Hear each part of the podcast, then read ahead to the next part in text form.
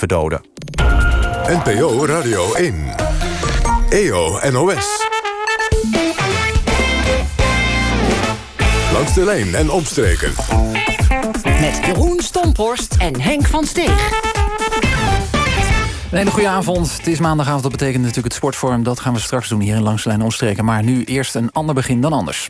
Want u hoorde het zojuist in het NOS-journaal. Paralympisch snowboardster Bibian Mentel is op 48-jarige leeftijd overleden. De winnares van drie gouden Paralympische medailles... en zeven wereldtitels leed al geruime tijd aan kanker.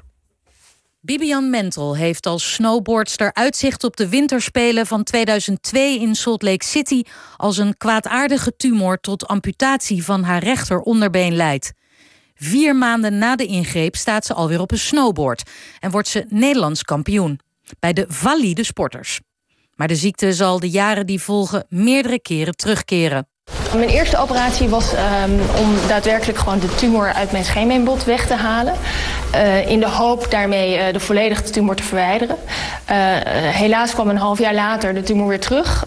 waardoor er uiteindelijk in eerste instantie probeerden ze mijn been te behouden. Maar kwamen ze erachter dat de tumor al in het bosvlies zat. Waardoor ze eigenlijk amputatie als enige oplossing zagen.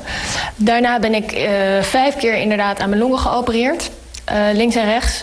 En um, ben ik, even denken, in totaal 52, uh, 74 keer bestraald zo'n beetje inmiddels. En nu uh, aan mijn nek geopereerd. Um, ja, dat was het wel zo'n beetje. Bibian Mentel zette zich enorm in om snowboarden op de Paralympische Spelen te krijgen. Door haar inzet wordt in 2008 in het Amerikaanse Copper Mountain het eerste WK gehouden. Mentel verovert daar haar eerste wereldtitel. Maar het beste nieuws volgt vier jaar later. De snowboardcross wordt toegelaten op de Paralympische Winterspelen van 2014.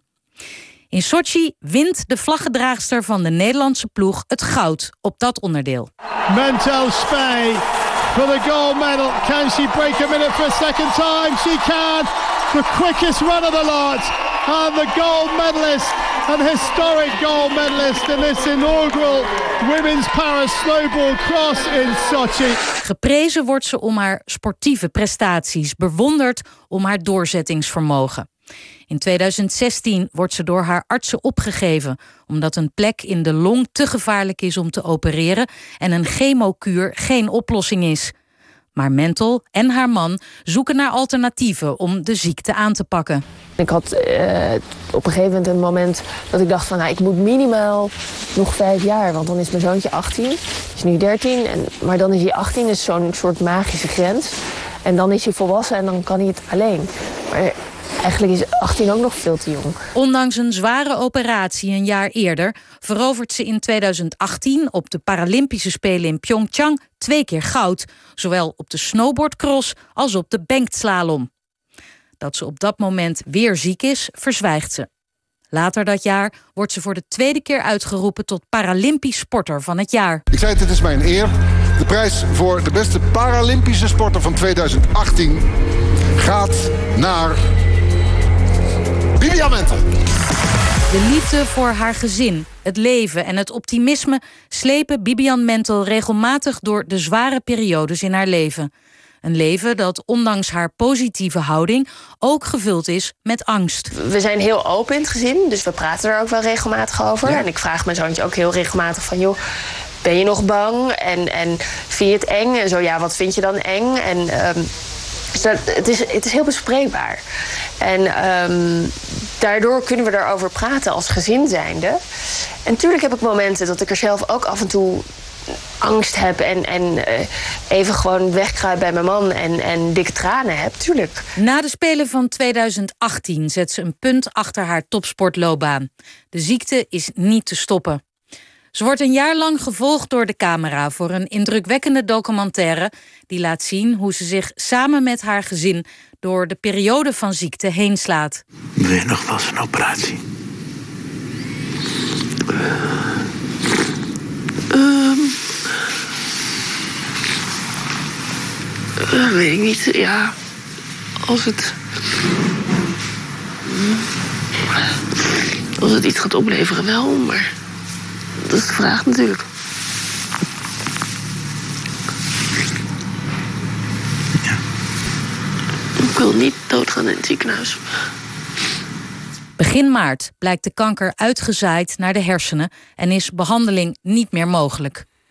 Bibian Mentel werd 48 jaar. En bij ons is Edwin Peek. Edwin, jij hebt de documentaire gemaakt over Bibian Mentel. Uh, je kent haar goed. Ja. En, en dan hoor je dit nieuws en dan komt dat ook hard aan bij jou? Ja, toch wel. Omdat ik haar afgelopen dinsdag nog gevolgd heb... Uh, op weg naar haar kruifkoord, wat ze nog uh, heeft mogen openen. En uh, ik heb haar daar ook nog uitgebreid geïnterviewd. Natuurlijk wist ik op dat moment wel dat dit ja, misschien wel de laatste keer was... dat ik haar in ieder geval zou interviewen. Mm -hmm. ik kwam vlak bij haar, dus ik ja, had nog We gaan wel... er zo nog eventjes naar luisteren. Ja, precies. Ja. En, uh, maar ja, dan komt het wel heel hard binnen... als het inderdaad uh, zo ja. energievol ze nog was op die dinsdag...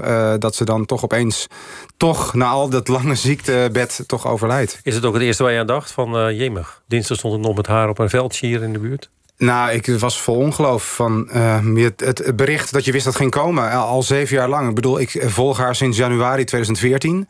Uh, was daarvoor al bevriend geraakt met haar. Um, omdat ze bij me in de buurt woont. Um, en dan ja, weet je dat je dit nieuws kan krijgen. Maar ja. het was ja, onrealistisch eigenlijk.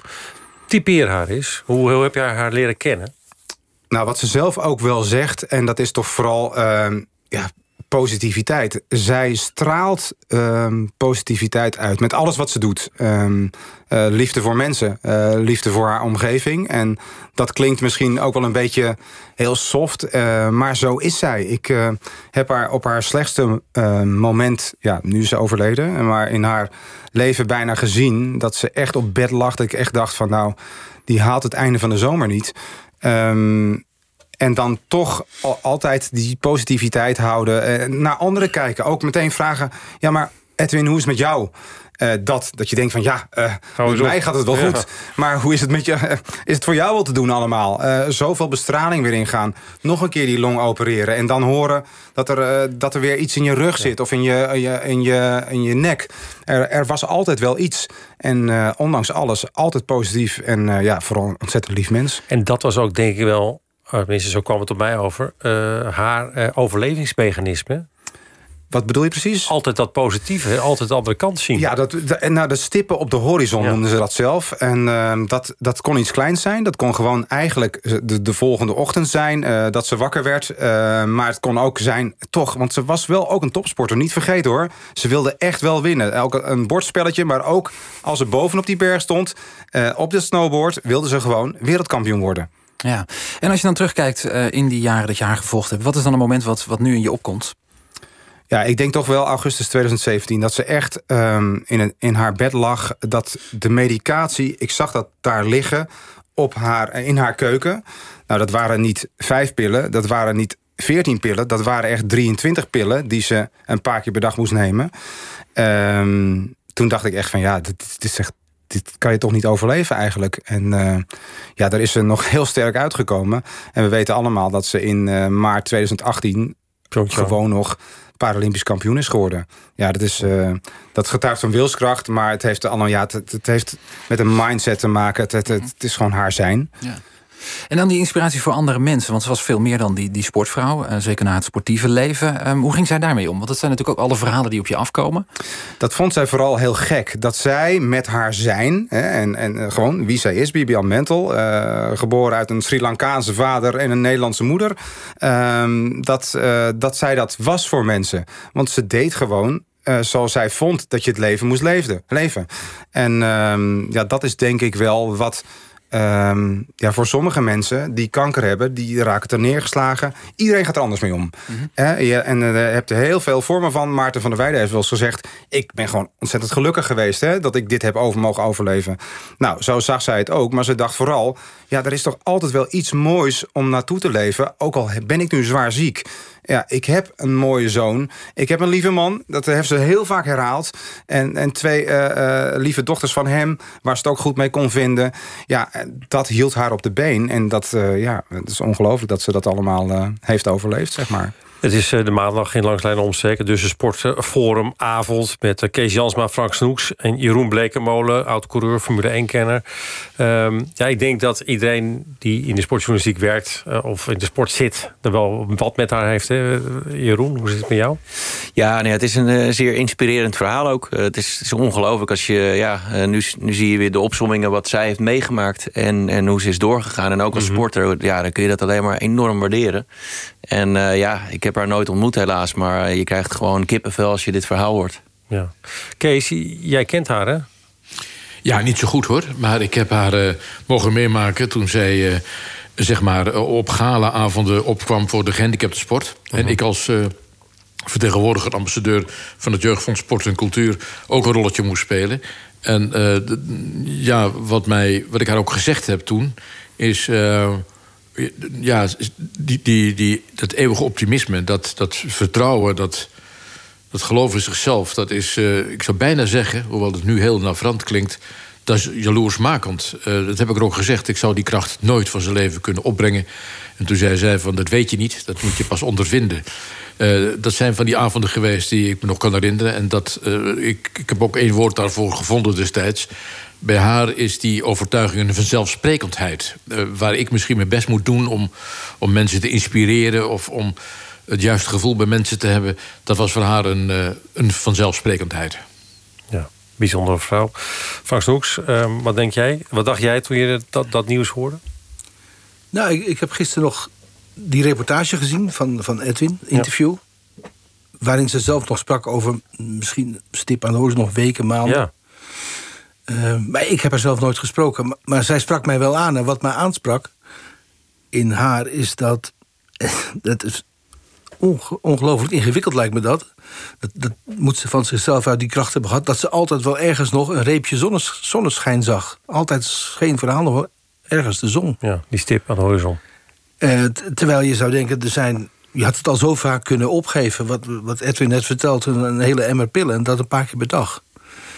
Ehm, je, dan vraag je je af, zou ik dat kunnen? Dan denk ik niet, maar eh, nee, ik denk het niet. Maar ze had een oerkracht.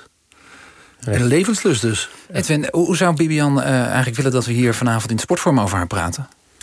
Nou, vooral denk ik wat, wat nu eigenlijk gezegd wordt hè, door, door, door iedereen eigenlijk. Dat zij... Uh, zij vond dat zelf vanzelfsprekend, zei je. Ja. Nou, vanzelfsprekend.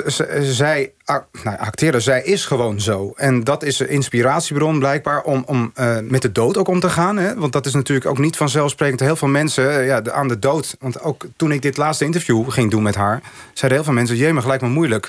Maar zij maakt de dood iets makkelijker te accepteren, te dragen. En niet omdat je het erover hebt.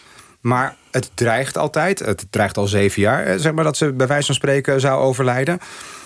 ik denk dat ze het vooral heel fijn vindt als wij het over haar hebben... als dat ze gewoon een vrolijk, positief mens is... maar ondertussen ook bloedfanatiek. Ja. En dat heeft haar ook ver gebracht, alle twee. En ze blijft iedereen dus tot het laatste moment inspireren. Hoe uitzichtloos de situatie ook was voor Bibian Mentel.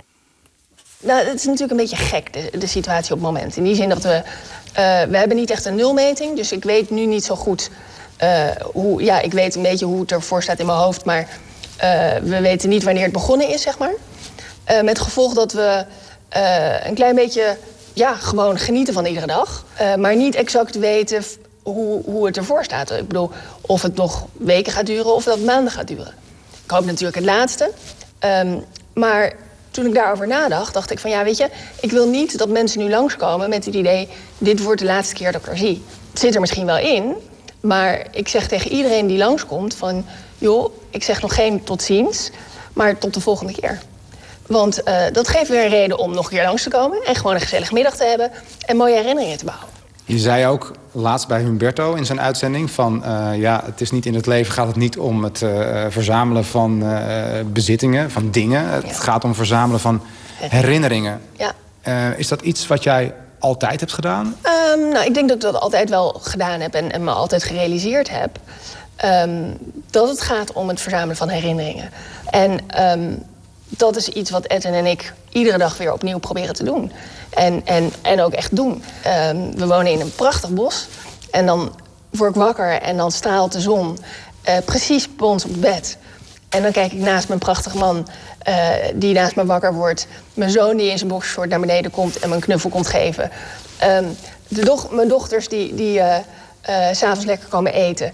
Weet je, daar draait het om in het leven. Is het ook niet jouw mentaliteit die jou de ziekte uh, ja, heeft doen dragen, mooi doen dragen, er, ja, je er doorheen heeft gesleept? Al die tijd. Um, nou, dat, dankjewel, dat vind ik een compliment. Um, ja, weet je, voor mij is het de manier die goed voor mij is. En ik wil helemaal niet zeggen dat dat misschien voor iedereen zo is. Want um, uh, ja, de een gaat er op de ene manier mee om en de ander op de andere manier. Uh, maar dit was voor mij de manier waarop ik het voor mezelf en voor mijn gezin, denk ik, en mijn liefde, uh, geliefde om me heen draagzaam heeft, heeft gemaakt. En voor mij goed voelt. En um, ja, tuurlijk zou, zou ik er nog li liever veel langer hier zijn.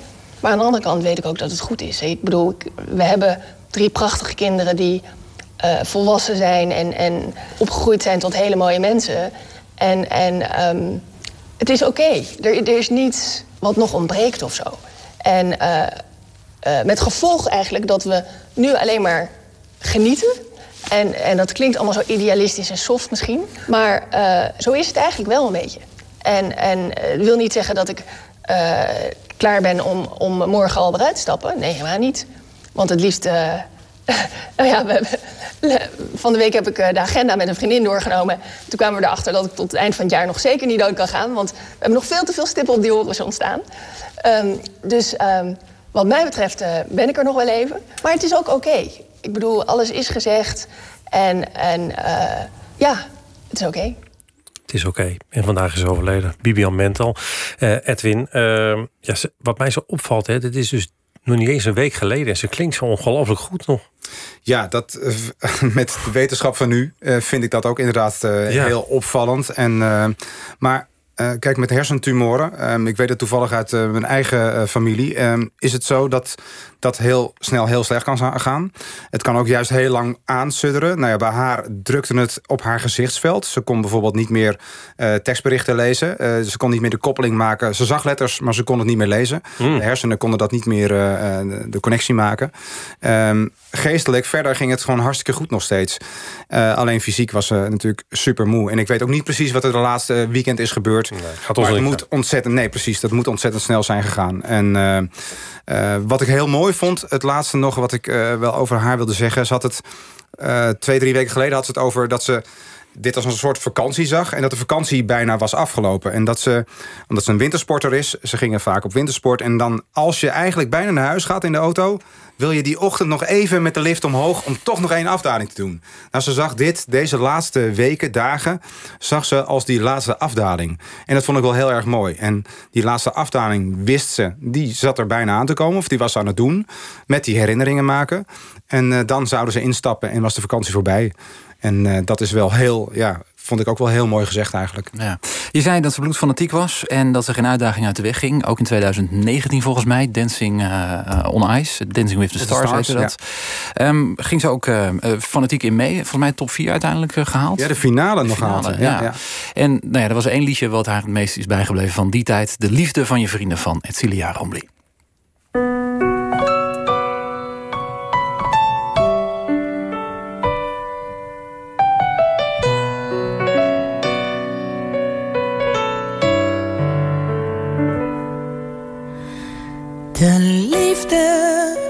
Je vrienden sleept je overal doorheen.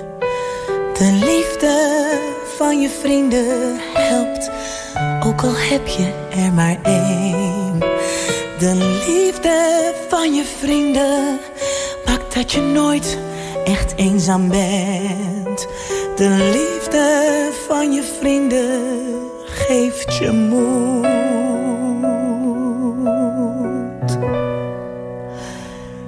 Jullie zijn altijd dicht bij mij. Jullie zijn er altijd voor mij. Vertellen ook de waarheid. Hoe die soms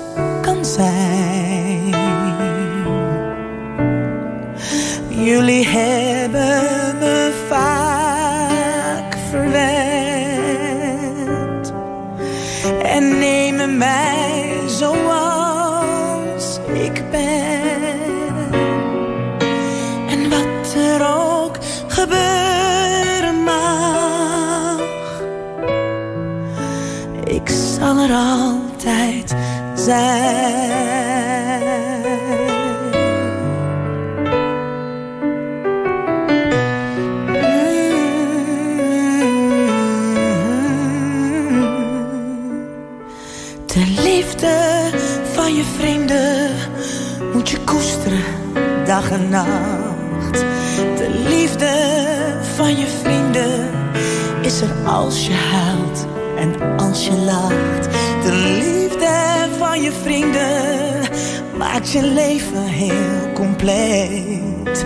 De liefde van je vrienden geeft je moed.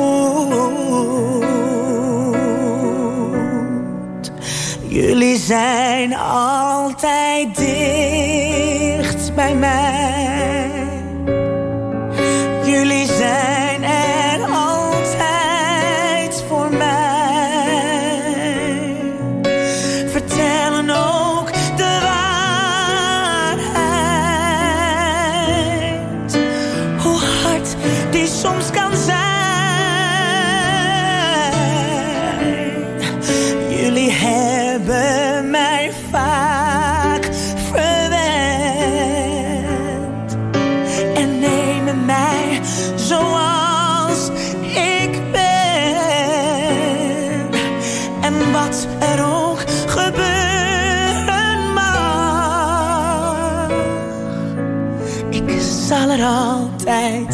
Zijn.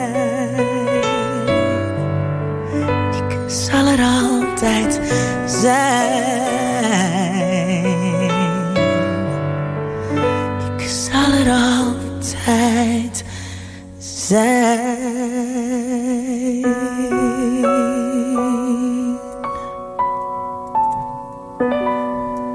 Ja, het Celia Rombly, de liefde van je vrienden. Aan de telefoon is nu Esther Vergeer. Ze is eh, chef de mission van de Paralympische ploeg... eh, die volgend... Nee, die naar Tokio gaat natuurlijk ook. Esther, goeie avond. Goedenavond. Ja, wat is de eerste reactie op, op het overlijden van Bibian Mentel bij jou?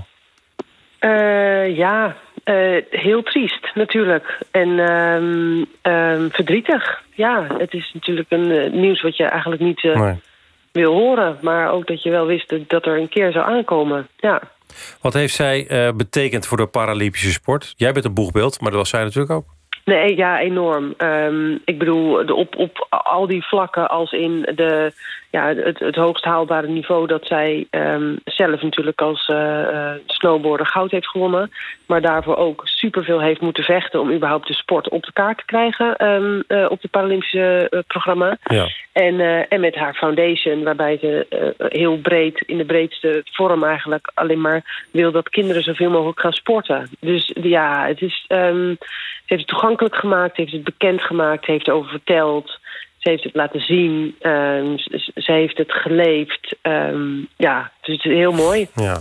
Het is geen geringe prestatie natuurlijk wat zij heeft gedaan voor de Paralympische eh, eh, sport. In die zin dat zij echt dat snowboarden op de kaart heeft gezet. Hè? Ja, ja, want zij geloofde daar dus in dat dat gewoon op, die, op het programma moest komen. Dat was Ja. er dus helemaal niet.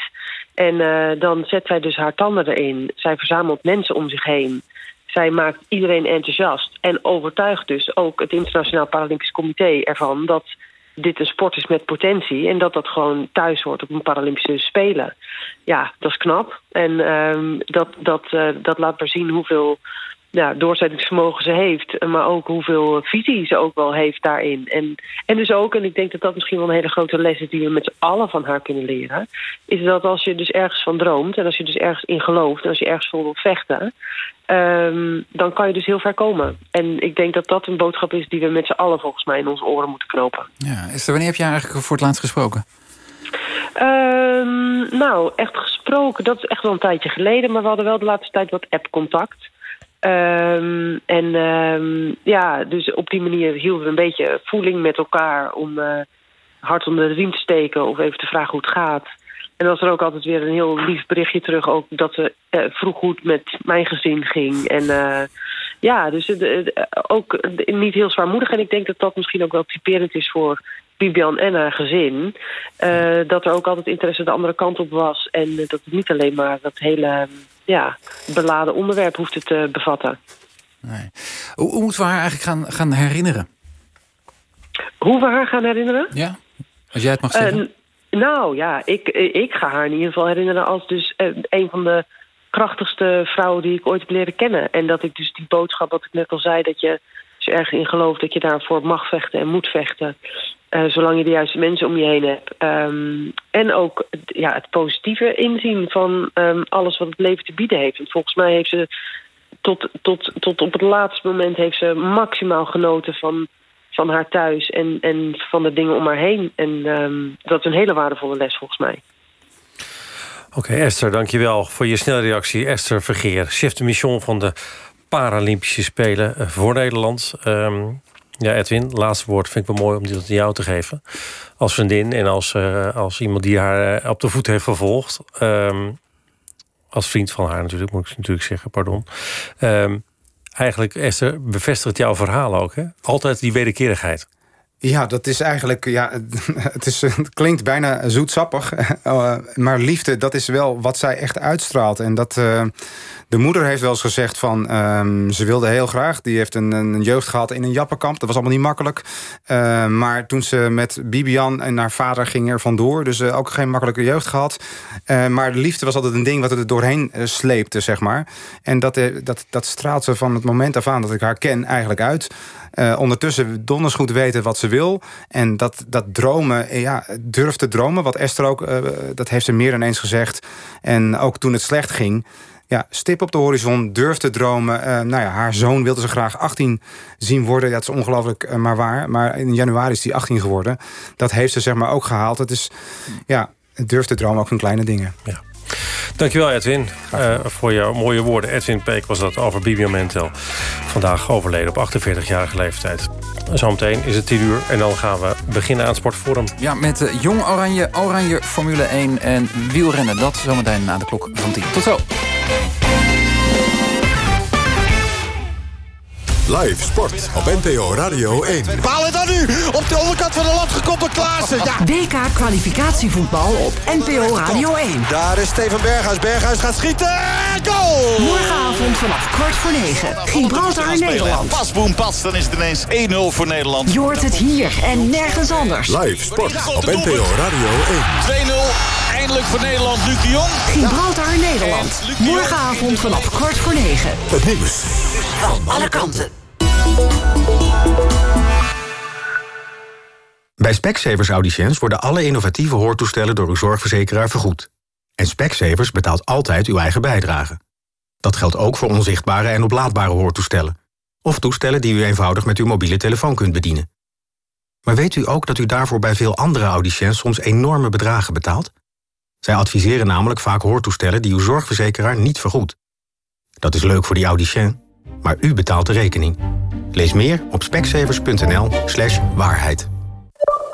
In groep 4 had ik alleen maar 9 en 10's. En in groep 6 op 1 had ik echt hele slechte cijfers. Want mijn ouders gingen die tijd ook scheiden. Het voelde echt alsof ik er alleen voor stond.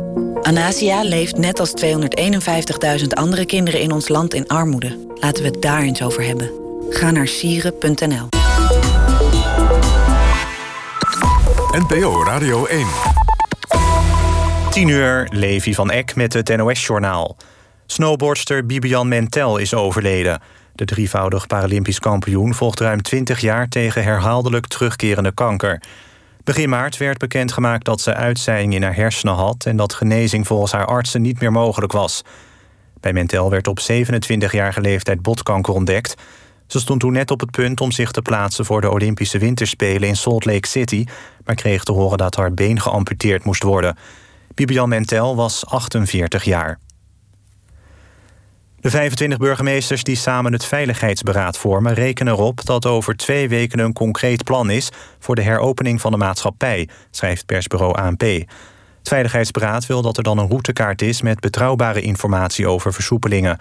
Daarbij moet rekening gehouden worden met sociale en maatschappelijke gevolgen. Op de eerdere routekaart van het kabinet hadden de burgemeesters kritiek.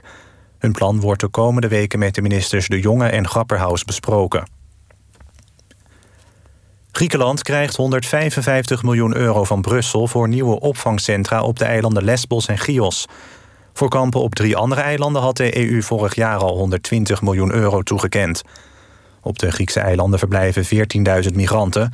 Iets meer dan 6500 van hen zitten in een tentenkamp op Lesbos, die daar werd neergezet na de verwoestende brand op het kamp Moria.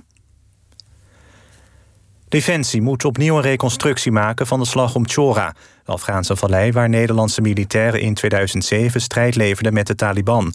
Dat heeft de rechtbank van Den Haag bepaald in de zaak die is aangespannen door Afghaanse slachtoffers en nabestaanden van de Nederlandse bombardementen. Daarbij zouden zo'n 50 tot 80 burgerdoden zijn gevallen. Het weer, vannacht is het helder en koelt het af naar 2 tot 4 graden. Morgen schijnt de zon volop en wordt het maximaal 23 graden.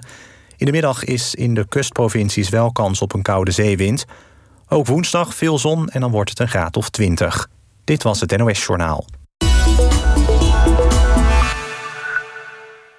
Och, je boekhouding doen. Dat stel je als ondernemer het liefst uit, toch? Met eboekhouden.nl is boekhouden een fluitje van een cent. Bovendien staat onze klantenservice altijd voor je klaar. Een geboren ondernemer rekent op... Dat zal je net zien. Heb je net een huis gekocht in een rustige buurt? Bouwt de buurman uit tot aan je erfgrens. En hij maar zeggen dat dat, dat dat gewoon kan. Gelukkig zijn er de advocaten van Brandmeester. Die helpen je voor een vaste prijs. Gewoon online op brandmr.nl. Brandmeester. Juridische hulp, maar dan slimmer. Probeer eboekhouden.nl gratis. Voor je starters zelfs 15 maanden. Ga naar eboekhouden.nl. Ja, en daar is dan de shortlist. Welk boek wordt managementboek van het jaar? We weten het op 22 april. Kijk voor uw keuze op managementboek.nl slash shortlist. NPO Radio 1. EO NOS. Langs de lijn en omstreken. Met Jeroen Stomporst en Henk van Steeg. Welkom terug bij Langs de Lijn en omstreken. We zijn er nog een uurtje met het Sportforum. En onze gasten, sportjournalist en oranje-kenner Kees Jansma... autocoureur en Formule 1-kenner Jeroen Blekemolen... en NOS-voetbalcommentator Frank Snoeks. Stampen om elke millimeter. Slag verloren, strijd geopend. Zomaar twee kanten koppen vanochtend. En dan weet u dat Max Verstappen net tekort kwam... in die eerste Formule 1-race gisteren. En daar gaan we het over hebben. En ook naast het grote Oranje dat morgen tegen Gibraltar speelt... komt Jong Oranje morgen in actie in een cruciaal duel met Hongarije... om verder te komen in de strijd om de Europese titel. De beide Oranjes komen aan bod in dit uur. En we hebben het uh, uh, sportforum nog niet uh, echt, zijn we nog niet echt begonnen. Want dat beginnen we dan met een fragment dat iedereen heeft meegenomen. Jeroen Bleekmolen, autocoureur, debutant in sportforum. Hartstikke goed dat je er bent. dit fragment is voor jou. Whole position, Max. Whole position, four tenths, mate. Fantastic work. What a weekend so far. Oh, finally, mate. That lap was good. ja, dus Mark Verstappen afgelopen zaterdag. Nadat hij dus net pole position had veroverd. Uh, was dat een heel belangrijk historisch moment voor jou? Nou ja, het is natuurlijk de eerste krachtmeting van zo'n seizoen. Uh, je weet nooit precies waar je staat. En uh, ja, met de kwalificatie gaan ze er allemaal echt voor zitten. En dan gaan alle, alles open. Dus ja, dat hij dan vier tiende voorsprong pakte... dat was best wel verrassend en heel Veel. mooi om te zien. Ja. Zometeen. Praten we ja, over door. Kees, vanwege de coronamaatregelen zit jij op afstand... in de mooie studeerkamer. Jij koos hiervoor. Spelers stellen zich op. Uh, de wedstrijd gaat over uh, enkele ogenblikken beginnen. Staat dus onder leiding van een Franse vrouwelijke scheidsrechter. Dat is een primeur voor het Nederlands elftal. Stefanie Frappard. Ja, vond je dat ook zo bijzonder, Kees? Uh, nee, eigenlijk niet. Nee. nee, ik, ik, ook nu nog vind ik alle ophef over de, de, aanstelling... en over het presteren van, van deze scheidsrechter nogal, nogal overdreven.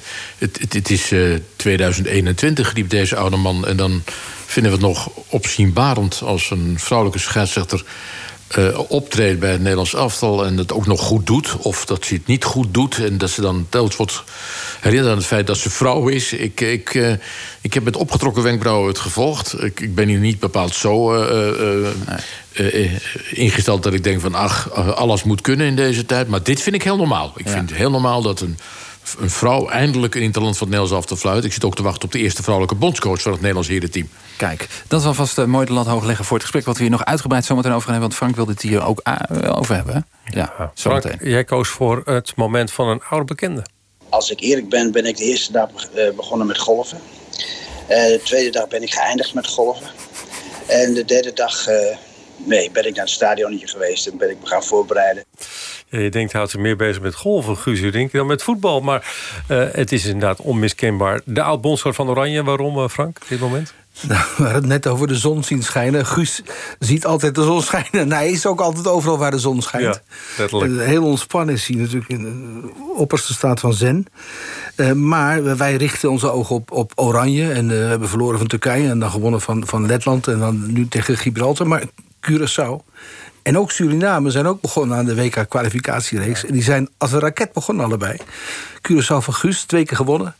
Uh, Suriname van Dien Goré, twee keer gewonnen. Met veel jongens die in de Eredivisie spelen. Dat, dat, is, dat is nieuw. Ja, dat is nieuw. Uh, de spelers die in de Eredivisie zitten... Die, en ook een aantal oud-internationals. Vernon Anita bij uh, Curaçao bijvoorbeeld.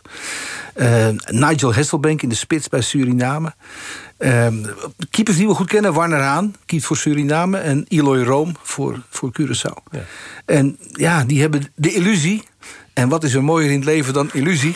Die hebben de illusie dat ze misschien het WK kunnen gaan halen. En, eh, heel lange route. Heel lange, hele lange route, maar uh, Guus heeft ook wel eens getoverd met Zuid-Korea. Je weet het maar nooit. En ondertussen schijnt de zon en kan hij golfen. Heerlijk. Laten we eens gaan hebben over dat uh, grote oranje. Want het was de week waarin het Nederlands elftal de kwalificatie voor het WK begon. Eerst tegen Turkije en daarna Letland. Chalanoglu vanaf de linkerkant kan hij naar binnen komen naar zijn rechterbeen. Yilmaz die schiet van afstand en die bal gaat in. Die wordt van richting veranderd. Turkije op 1-0. En daar komt de volgende kant van Turkije. Boerak Yilmaz wordt niet bereikt. Maar er wordt wel een penalty gegeven. Er wordt een penalty gegeven door Michael Oliver. En Nederland gaat zo dadelijk op een 2-0 achterstand komen. Tenzij Tim Krul doet wat hij deed tegen Costa Rica. Maar dat lukt hem hier niet. Boerak Yilmaz schiet hard en droog raak.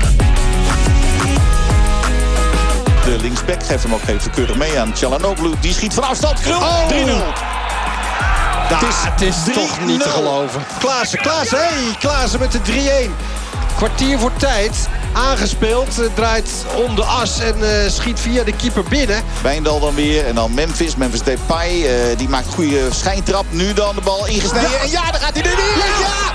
Via Luc de Jong en een fout van de keeper rolt die bal erin. Dan maken we twee goals in twee minuten. Daar is die vrije trap en die gaat de kruising in hoor.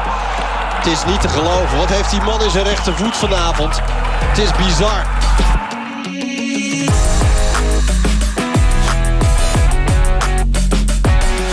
fantastisch gevoel. Eh, zelfs, zelfs 5000 supporters. Er zullen mensen denken, ja, er kunnen er 50 in. Wat heb je aan 5000? Heel veel. Het geeft een totaal andere entourage. Het geeft een andere dynamiek. Bal naar de rechterkant. Daar is Steven Berghuis. Berghuis gaat schieten. Goal! Steven Berghuis in de 32e minuut. Hij heeft hem eindelijk te pakken. Dan komt die hoekschop en die wordt ingekopt. Het doelpunt. 2-0 eindelijk voor Nederland Luc de Jong. Ja.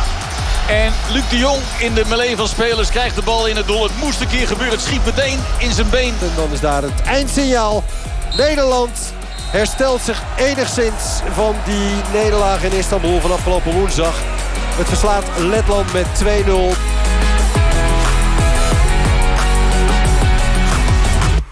Dat was afgelopen week. Nu is de blik uh, gericht op morgen. Het Nederlands elftal is inmiddels uh, geland op Gibraltar. De laatste wedstrijd van het eerste kwalificatiedeel. En na die nederlaag tegen Turkije en die plichtmatige overwinning op Letland... Ja, moet morgen het telraam in gebruik worden genomen. Althans, als het aan de bondscoach Frank de Boer ligt. Wij moeten zorgen dat we gefocust zijn om uh, een goed resultaat... en hopelijk met, met veel goals natuurlijk te maken.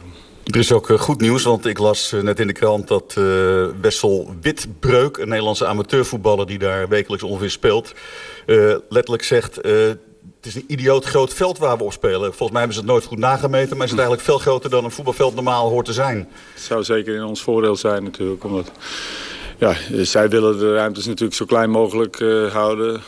wat wij gezien hebben spelen ze 1-5-4-1... nou, dan, weet je wat je te wachten staat. En ja, hoe smal het veld, hoe ja, makkelijker het eigenlijk voor de tegenstander is om die ruimtes te belopen. Dus ja, dat, dat, is, dat is goed voor ons. Normaal zou je zeggen, je gaat met de elftal van de laatste wedstrijd ook de volgende wedstrijd in. Niet reden, redenen om daarvan af te wijken. Maar dit zijn dan wel wedstrijden waar je heel veel goals nodig hebt. En dus misschien wel één of twee toch extra aanvallers probeert op te stellen. Overweeg je echt om met een ultra aanvallend team uh, deze wedstrijd te beginnen? Nou, het wil niet zeggen als je meer spelers uh, voorin zet dat het uh, makkelijker wordt eerlijk gezegd. Dus worden die ruimtes nog kleiner. Het is vaak ook het lokken van de tegenstander en dan ja, via snelle combinaties naar, de, naar, naar die open ruimtes gaan. Dus ik geloof niet in dat je als je extra mensen voorin zet dat je dan meer kansen gaat creëren. Nou, dus de bondscoach Frank de Boer. Gibraltar dus morgen de tegenstander van, van Nederland. ja, Frank en Kees, kunnen jullie de tegenstander, de spelers die daar spelen... kennen jullie ze al een beetje, Frank? Ja, ja Kees? Allemaal. Allemaal. Nee, dit is een lachwekkend interland. Ja. Het, het, is hartstikke mooi en heel modern dat iedereen mag meedoen aan een voorronde van een uh, WK-kwalificatietoernooi. Maar ja, dit slaat natuurlijk werkelijk helemaal nergens op. Wel, uh, ze, ze, hebben nauwelijks elf spelers. En uh, dat doet dan mee aan een aan een professioneel evenement. Nou, hartstikke leuk. Maar het wordt allemaal live uitgezonden. Het wordt allemaal van tevoren besproken zoals nu. Het staat uh, uitgebreid in de ochtendkrant morgenochtend. En het is een farce. Ja. Uh, Frank, deel je die mening? Ja, uh, ja, daar heeft Kees wel gelijk in. Er wonen in dat land 33.000 mensen. En die wonen er in mijn dorp ook. Ze hebben tien clubs of elf clubs. Die spelen een competitie en dat is die mensen natuurlijk van harte gegund. Ja. Uh, maar het is, het is een zelfstandige staat en ze hebben, het, zijn toegelaten eerst tot de UEFA, later ook tot de, tot de FIFA. Ze hebben ook nog twee keer geloof ik een wedstrijd gewonnen mm -hmm. en een keer gelijk gespeeld. Uh, maar als Nederland een hele slechte wedstrijd zou spelen, dan, dan winnen ze nog met 6-0. Oké, okay, die schrijven alvast op voor morgen. Ja. Laten we kijken hoe het, hoe het dan morgen is. Jeroen, ga jij morgen kijken? Nou, als ik dit zo hoor, eh, zeker wel. Want, uh, ik vind het altijd leuk als er veel gescoord wordt. Ik ben niet een hele grote uh, ja, voetbal... Uh, nou, ik, ik vind het leuk om te kijken, maar ik weet er niet veel vanaf. Je van hebt de... zelf gevoetbald, dat weet ik. Dat wel, ja, nee, dat klopt. Ja, maar uiteindelijk moest ik kiezen tussen snelheid op de baan of, of op het gras. Maar dat werd toch op het asfalt. Dus, Maar um, Kees, als ik jou zo beluister... dan zou je dus zeg maar liever iets zien als een soort van voorcompetitie... voor dat soort landen... Die dan, die, waarvan er dan eentje, de winnaar bijvoorbeeld dan mag meedoen met de grote jongens om WK-kwalificatie. Ja, zoiets. Kijk, het is heel sociaal dat die landen meedoen. Dat, dat hoort ook zo hè, nu tegenwoordig. Maar ik, ik vind de media-aandacht ervoor... en dan de serieuze beschouwing... en dan een bondscoach die mompelt wat allemaal morgen van het aftal wordt verwacht. En dat vind ik allemaal zo overtrokken. Uh, en daar, daar, kan Nederland weinig aan doen, want ze moeten er tegen spelen. Ja. Maar een lichte, luchtere toon ten aanzien van de, deze interland. Kijk, die andere interland van morgenavond om 6 uur... van Jong Oranje is natuurlijk veel en veel interessanter en belangrijker. Maar ja, het A-team speelt, dus dan hollen we daar met z'n allen achteraan. En dat zeg ik zonder cynisme. Het is een feit. En ik had vanmiddag voorspeld Frank 0-7. Dus ik ben benieuwd wie van ons tweeën er, er gelijk gaat krijgen. Ja, gaat, er nog wat, gaat, er nog wat, ja, gaat er nog wat ingezet worden? Nou, Noorwegen, dat was geloof ik 4-0, hè? 3-0. 3-0. Ja. 3-0. Ja, ja. Nou, dat zegt misschien wat. Uh, het, het, toch één ding dan over die wedstrijd. Maar die hebben een half werk geleverd. Ja, dan gaan we daarna terugkijken. Maar uh, uh, Frank de Boer zegt, ja, je moet niet te veel aanvallers inzetten, Frank. Nee. Want... Nou, ik begrijp wel wat hij bedoelt. Want hij, hij zegt, ja? wat zei hij nou net? Ze spelen 1-5-4-1. Dus de, ja. de vergaaldoctrine, ook de keeper noemen. 1, 5, ja. vijf verdedigers, vier middenvelders en, en een spits. Nou, ik, denk, ik denk dat ze 1-9-1-0 gaan spelen, ja. Gibraltar. En als je daar dan... Ja, dat is al zoveel mensen die dat strafgebied staan van Gibraltar... als je daar nog met, met acht mensen bij gaat staan, dat, dat schiet natuurlijk niet op. Je moet nou ja, ruimtes, ruimtes proberen je, je moet van, ruimtes ja. creëren op, dat veld. En ik, naar ik begrijp, uh, er is een Nederlandse speler uit de Gibraltese competitie... die, die, die net door Arno bij naam werd genoemd. Ik ben die naam alweer vergeten. Maar er spelen dus Nederlandse jongens daar. En die hebben de tijd van hun leven. Maar die zegt, het veld is heel groot. En ik zag gisteren een reportage van Jeroen Stekelenburg. Daar zag je ook dat eh, het ligt naast de landingsbaan van het, van het vliegveld. Dus uh, misschien is er wel een stukje landingsbaanstrook bij, uh, bij het Er was een speler van Gibraltar die zei van... je probeert elkaar wel eens aanwijzingen te geven in het veld... maar dat lukt niet als er een vliegtuig landt. En dat landt om de zoveel minuten. Ja, nou, er is nu wat minder vliegverkeer vanwege corona misschien. Dus dat, dat scheelt misschien. Nou, je weet, je weet niet wat ze allemaal uit de kast halen, die Gibraltezen. Goed, dan de, die, die wedstrijden die er wel uh, toe doen. Althans, hè. Ja, deze doet er ook toe, maar we weten, we weten het belang inmiddels. Uh, Turkije en uh, afgelopen zaterdag Letland. Ehm, was het nou een beetje Kees eerherstel, die wedstrijd tegen Letland? Of kan je daarvan nog niet spreken? Nee, dat vond ik niet. Ik vind het trouwens altijd lastig hoor. Als het Nederland herstelt zich van de nederlaag tegen Turkije. Ja, die nederlaag blijft staan tot het einde van de kwalificatie. Die, ja. die kun je niet wegwerken, nee. Um, uh, het was, uh, ik zat niet ver van Frank Snoeks vandaan, dus ik weet niet precies wat hij gezegd heeft. Uh, ik hoorde wel de radiocollega's over dat eerstel rappen. Kijk, ze waren ijverig, de Nederlandse spelers, ze waren energiek. Ze creëerden 35 doelkansen of zoiets. dat is allemaal prima. Maar ja, ook hier moeten we zeggen dat de tegenstander van een, van een derde divisieniveau Nederlandse competitie is. en die krijgt nog een enkele kans ook. nee, ik, ik kan nog niet zeggen dat ik in, helaas dat ik tot dusver in die twee wedstrijden iets van een lijn heb kunnen ontdekken... of iets van een, van een, van een systeem of een visie. Nee, het is, het is nog toeval tot dusver. En dat zou helemaal niet zo erg zijn, het niet dat morgen die hele WK-kwalificatie wordt afgebroken. Omdat we ons gaan voorbereiden op het EK. Dus Frank de Boer heeft niet zo gek veel tijd meer om een elftal neer te zetten. En dat vind ik verontrustender dan die wedstrijd die we tot dusver gespeeld hebben. Ja, maar we gingen wel iets beter. ja, meer doelkansen, Frank. Nou, aansluitend op wat Kees net zegt... ik heb gezegd aan het begin, mhm. na een nederlaag tegen Turkije... je kunt je überhaupt al niet rehabiliteren... tegen een tegenstander van het niveau Letland-Gibraltar... want met je ogen dicht en slecht spelend win je die ook. Nou, dat, die hebben ze gewonnen met 2-0. En 2-0 is eigenlijk uh, onder par, om in de golftermen te spreken. Dat ah, is, heel ver boven par misschien, of niet? Nee, dat is te weinig bedoel ik. Ja. Ik bedoel, dat 2-0 tegen Letland... is niet om op de borst te kloppen. Nee. Uh, en, want Letland is inderdaad van een, van een bedroevend niveau. Er, zit, er zaten, zat een speler op, op eentje in het veld heeft bij Cambuur een jaartje gespeeld. Eentje bij VVV heeft in de eerste divisie een jaartje gespeeld. Maar het, het is niveau, nou echt linkerrijtje. Eerste divisie is te hoog gegrepen, denk ik, voor Letland. Cambuur nog euforisch zeggen... we hebben zo goed gespeeld, zoveel kansen gecreëerd. Ja, ja nou ja, ik, ik vind het, het aanvalspel... zeker in de eerste helft, was ook wel wat beter dan de uitslag van 2-0. Ja, er hadden meer goals. Hadden, ja. maar goed, bal blad heb je tegen zo'n die ga je tegen Gibraltar ook hebben. Zul je zien. Ja. Die, dat moet je incalculeren. Uh, maar verdedigend, verdedigend vond, ik, uh, vond ik het spel slechter dan 2-0 doet vermoeden. Want Letland kreeg een aantal 100% kansen. En dat, niet bij de stand 8-0. Hè? Als er acht goals tegenover staan, dan kun je een tegendoelpunt hebben vervelend voor de keeper. Maar je zegt dat is eigenlijk nog verontrustender. Dat vind ik verontrustender, ja. dat, bij, dat de eerste grote kans van de wedstrijd was voor uh, Letland bij 0-0. En ook bij 1-0 kregen ze een hele goede kans. Dat werd, werd voorkomen door een hele goede actie van Wijndal. Ja. En ook bij de 2-0 nog, een bal via Krul en de paal ik vind dat Letland kreeg te veel 100% kansen. Eigenlijk een bloody shame case, toch eigenlijk als ik het zo hoor. dat is ook weer overtrokken. Uh, moet ik dan tranen in mogen krijgen, zei Frank de Boer uh, na nou, de Missen we nou Virgil van Dijk en Stefan de Vrij tegen Letland? Nee, we missen een systeem. Uh, we, we, missen, uh, we missen uh, kijk, zelfs in de wedstrijd als tegen Letland moet je... en daarom vind ik de opmerking van de Boer... van we moeten mogen niet nog meer aanvallen opstellen, logisch. Maar je moet tot een systeem komen waarbij je voetballend tot, tot, tot kansen gaat komen... in plaats van dat het puur pressie en, en, en paniek is bij de tegenstander achterin. ik, ik mis nou, iedere lijn op dit ogenblik. Kijk, dat Frank de Boer zo euforisch is na die wedstrijd... Ehm, die begrijp ik wel, want de kritiek zwelt aan...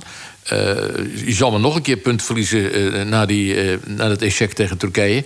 Ja, dan zit je al in een vrij moeilijke positie om je überhaupt te plaatsen voor, voor Qatar. Dus hij was heel erg blij met de inzet. Nou, die was ook goed. Logischerwijs. Hij was blij met de kansen, dat is ook goed. Maar ja, de Pai was ontevreden over zijn rol. Frenkie de Jong is nog steeds niet goed in het Nederlands elftal. Althans, deze sessie van twee wedstrijden niet. Wijnaldum is, is zaggerijnig. er straalt geen vreugde uit van coach en van spelers. En ook niet uh, enige vorm van, nou, dit gaan we met z'n allen wel bereiken. En daarom is die, Frank heeft daar gelijk in, is, is, is, je, kan, je kan tegen Letland nauwelijks verliezen. Ik bedoel, dat is onmogelijk. En tegen Gibraltar ook niet. Dus wat is dan de les die je daaruit gaat trekken? Dat is Turkije, 4-2 verliezen. En dat is de leidraad voor de komende weken, maanden. En dat is dus ons zorgen maken voor het En wat zorgwekkend is, uh, dat inmiddels de Turk, Turkije heeft ook uit van Noorwegen gewonnen. Ja. werd in Spanje gespeeld, die wedstrijd. Maar die hebben de uitwedstrijd tegen Noorwegen gewonnen. Met een hogere score dan Nederland tegen Letland. Dus Turkije heeft, zes, heeft de twee moeilijkste wedstrijden gehad. Zes punten gehaald. En dat is eigenlijk ongelooflijk. En nu, wacht even, dan krijg je het EK straks van de zomer. We weten helemaal niet hoe dat gaat lopen. Uh, na het EK, vrij snel, 1 september... is de eerstvolgende kwalificatiewedstrijd Noorwegen uit voor Nederland. Hè? Als je daar schade oploopt, Stel je voor dat je daar en gelijk is natuurlijk een rotwedstrijd. Zo'n eerste wedstrijd na, na, na een EK. Eerste na een EK. Als je daar schade oploopt, dan kun je al bijna niet meer eerste worden in de groep. Ja. Dus dat wordt nog een hele flinke kluif. Ja, Dat, omdat er niemand ook verwacht had, moet ik eerlijk zeggen... dat, dat, uh, dat Turkije nu uh, zeven goals voor heeft en twee tegen. Blijven die zo goed, Kees? Of was dit uh, misschien een, gewoon een lekkere week voor ze? Hadden nou ja, zelfvertrouwen? Noorwegen uit in Malaga gespeeld inderdaad is, is een verrassend resultaat. Ook in Noorwegen is een enorme vorm van kritiek opgestoken. Want daar hebben ze Haaland en zo en, en, en Eudegaard. En ja. ze zijn toch kansloos verloren.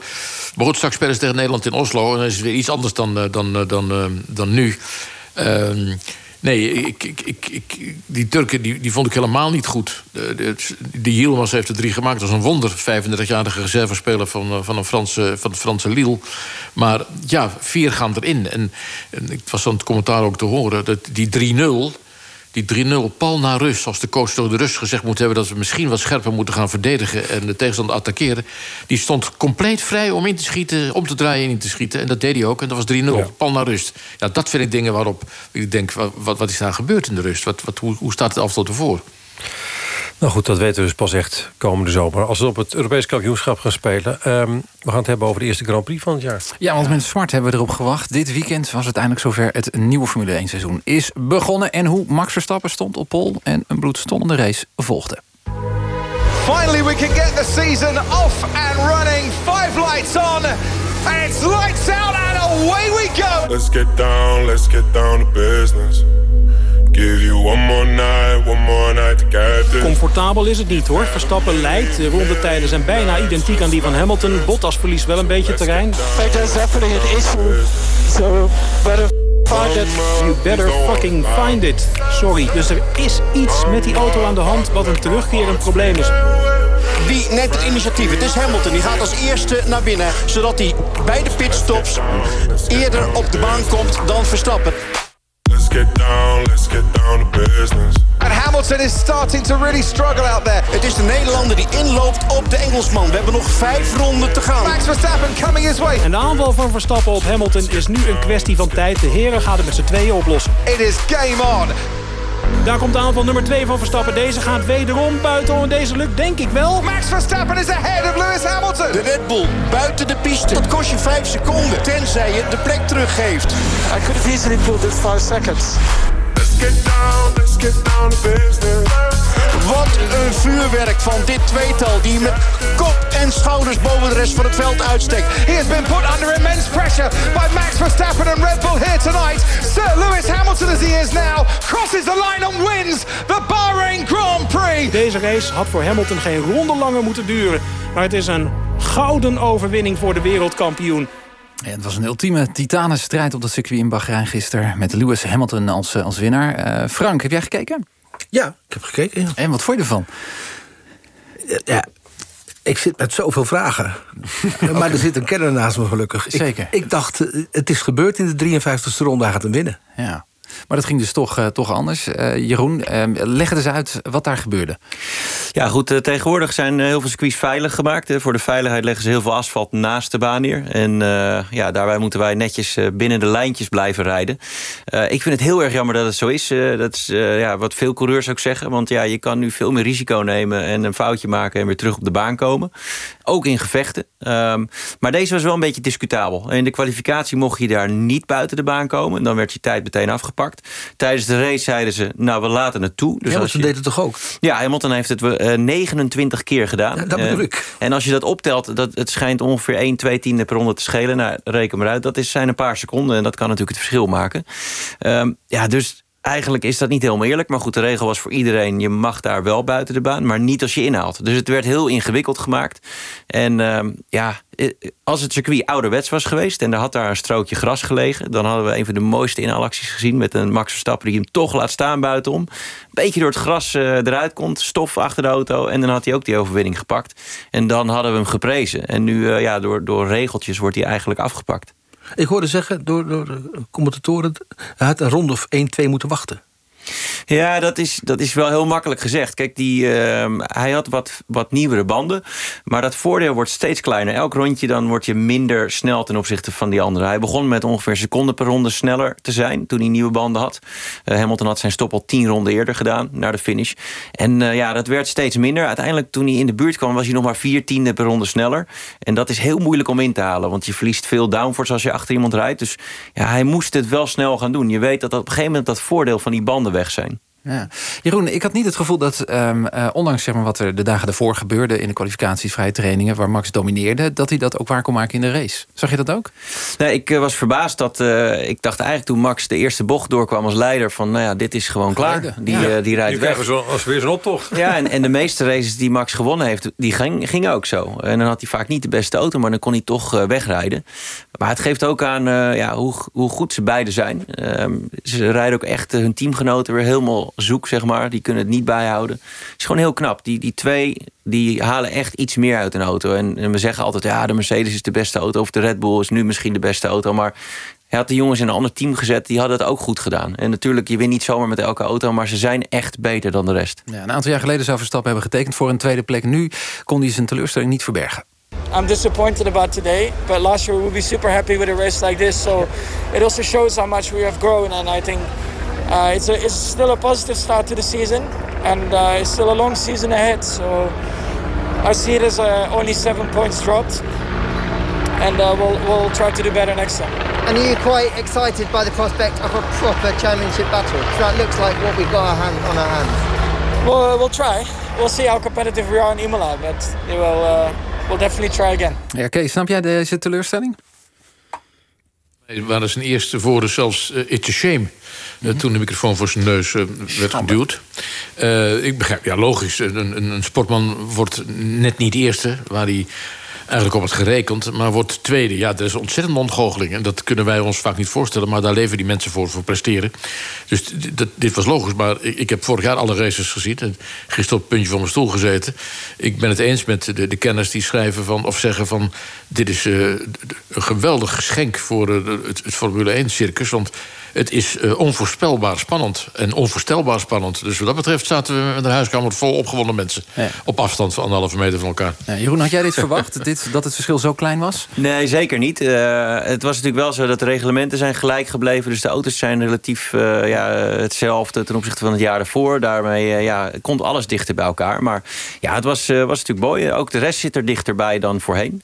wat mooi was om te zien ook... natuurlijk, hij was negatief. Maar eigenlijk was voor Max te doen was hij best wel positief na deze tweede plek. Want normaal dan is hij echt wel hard nou, in zijn bewoording. Ja. En hij was eigenlijk, hij, hij probeerde ook wel de positieve punten eruit te halen. Dus je, je ziet ook wel, hij heeft echt wel vertrouwen in dit seizoen. Nou, het is echt anders dan andere jaren. Nu uh, hebben ze een auto waarmee hij uh, vanaf het begin meedoet. En dat is eigenlijk wat altijd ontbrak. En eerder dacht hij waarschijnlijk van ja, dit was mijn kans. Nu had ik hem moeten pakken. En nu weet hij, er komen nog meer kansen.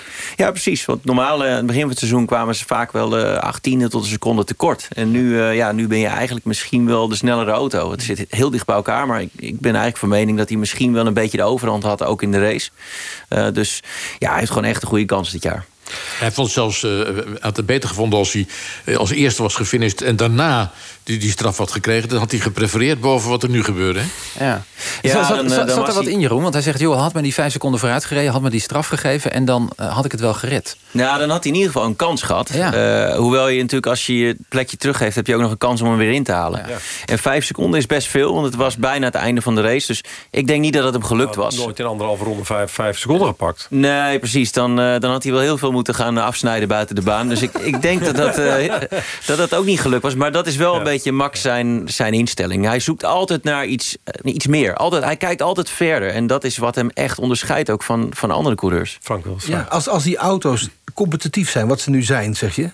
wordt dit seizoen en worden de races dan mindgames? Ja, natuurlijk, als je dichter bij elkaar zit, dan Daar kun is je hij goed in, volgens eh, mij. Ja, zeker. En eh, eigenlijk gebeurt het een beetje andersom nu. Eh, hij lag op kop en eh, ja, Mercedes gaat in de aanval door een andere strategie te kiezen. En iedereen was een beetje in de war. Van, ja, wat gaan ze nou eigenlijk doen? Welke banden komen erop? En ja, uiteindelijk is het wel daardoor... eh, heeft Mercedes die race gewonnen. Dus het is, eh, ja, dat wordt heel spannend nu. Je, je lokt elkaar in foutjes. Zometeen eh, praten we nog eventjes verder over Formule 1... en over de dominantie van eh, Red Bull dan wel Mercedes. Maar ja, het is al half elf, hè? Radio 1. En dus is hier Levi van Eck. Op het overlijden van snowboardster Bibian Mentel komen veel reacties. Premier Rutte schrijft op Twitter dat hij bedroefd is... en noemt Mentel een voorbeeld voor ons allen. Esther Vergeer, chef de mission van de Nederlandse Paralympische ploeg... zegt dat Bibian een van de krachtigste vrouwen is die ze heeft leren kennen. Paralympisch snowboarder Chris Vos bedankt Mentel voor alles wat zij hem heeft geleerd. De 25 burgemeesters die samen het Veiligheidsberaad vormen... rekenen erop dat er over twee weken een concreet plan is... voor de heropening van de maatschappij, schrijft persbureau ANP. Veiligheidsberaad wil dat er dan een routekaart is... met betrouwbare informatie over versoepelingen... en dat daarbij rekening wordt gehouden met de sociale en maatschappelijke gevolgen. Er waren de afgelopen week wel genoeg vaccins... maar niet genoeg mensen die een prik wilden komen halen. Dat is de voorlopige verklaring van het RIVM... voor het niet halen van het doel van ruim 400.000 inentingen. In plaats daarvan werden er vorige week zo'n 280.000 prikken gezet. Volgens het RIVM zat het probleem vooral bij het vaccin van AstraZeneca. En cabaretduo Jentel en de Boer heeft voor de tweede keer de Annie M. G. Schmid-prijs gewonnen. Het tweetal kreeg de onderscheiding voor het beste theaterlied voor het nummer Het is begonnen. Dat een reactie is op de klassieker Het is over van Annie M. G. Schmid en Harry Banning. Langs de lijn en omstreken. We zijn bezig met het eh, sportforum aan tafel. eh, Frank Snoeks op afstand, Kees Jansma en ook aan tafel Jeroen Blekenmolen, autocoureur, Formule 1-kenner. Dat komt goed uit, want daar hebben we het net over. Ja, we blijven nog even bij de Formule 1. Want uiteindelijk, we hadden het er net al eventjes over... eh, draaide het natuurlijk om die ene inhaalactie. Drie ronden voor het einde. As they head towards turn four, Hamilton's going to force Verstappen the long way round. By the time they get to the corner, he's about a third of a car in front. By the time they get out of the corner, he's a whole car in front. Verstappen is ahead of Lewis Hamilton. Here we go, around the outside, but uh, went completely off the track. Jan, was het niet eh, leaving the track gaining an advantage? Volgens mij zat hij buiten de lijnen bij de inhaalactie. Ja, dat was mooi gisterenmiddag tijdens de langste lijn. Marco Verhoef, de weerman, die even uitlegde aan eh, Jan Lammers... en eh, de commentator, eh, commentator Louis Dekker de regels. Nou, dat is toch mooi hoe dat, eh, hoe dat daar eh, ging. Nou, dan toch even ook naar Max, want die heeft er natuurlijk ook op gereageerd. Ehm, hij moest die eerste plek dus weer inleveren. Was hij zelf ook niet blij mee. No, I think he just let me go, man. I could have easily pulled this five seconds. I prefer to lose uh, a win like that than be second like this. Yeah, we had the instruction from race control, unfortunately, Max. But uh, that was a hell of a drive he put there. Ja, je zegt hij, eh, waarom laat je hem niet gewoon gaan? Makkelijk die vijf seconden wegrijden in het anderhalve rondje. Ik verlies eh, liever op die manier dan dat ik een tweede word eh, door mijn plek eh, af te staan. Maakt het team hier ergens een fout? Of wat, is het alleen Max die die fout maakt? Ehm, nou, nee, dit is gewoon, hij is gewoon eh, in een mooi gevecht eh, gewikkeld. En eh, ja, het is altijd lastig. Het, het heeft voor allebei iets te zeggen. Alleen in dit geval, de wedstrijdleiding vraagt wel van geef die plek terug. Dat was ook een soort van van tevoren afgesproken. Mocht je daar inhalen met buiten de baan te gaan. Zij dan, wist er gewoon van.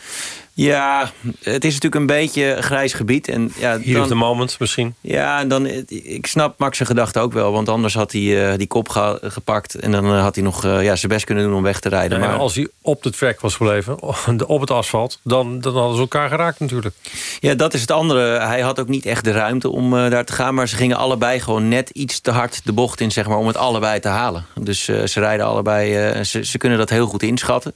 En ja, als Hamilton iets langzamer eh, die bocht in was gegaan, had hij meer ruimte kunnen geven. Maar Ze dan- zaten toch met drie wagens daar naast elkaar? Ja, ja, ze- achterblijven Want Ze haalden met z'n tweeën een achterblijver in. Ja, precies. En bij het insturen uiteindelijk gingen ze met z'n tweeën erin. Ehm, ja, je weet als coureur zo goed hoe hard je zo'n bocht kan nemen. En eh, ja, je gaat echt op het uiterste. Er zit natuurlijk ook niks tussen. Je kan geen papiertje tussen die auto's doen. En ze weten precies hoe hard je dan zo'n bocht moet nemen. Maar ze, anticiperen er allebei op dat je ja, helemaal bij die, uit, bij die buitenkant uitkomt. En dan, uh, ja, dan moet je maar zien of het net wel of net niet goed was. En dat was het dus net moment, niet. Wat een moment moet het geweest zijn voor Verstappen... toen hij dus inderdaad zich weer liet inhalen. Dat je dus denkt van, daar ga ik. Dat is toch dan... bijna onvoorstelbaar. Eerst lig je voor, denk je van, ik loop nu weg, want ik ben sneller.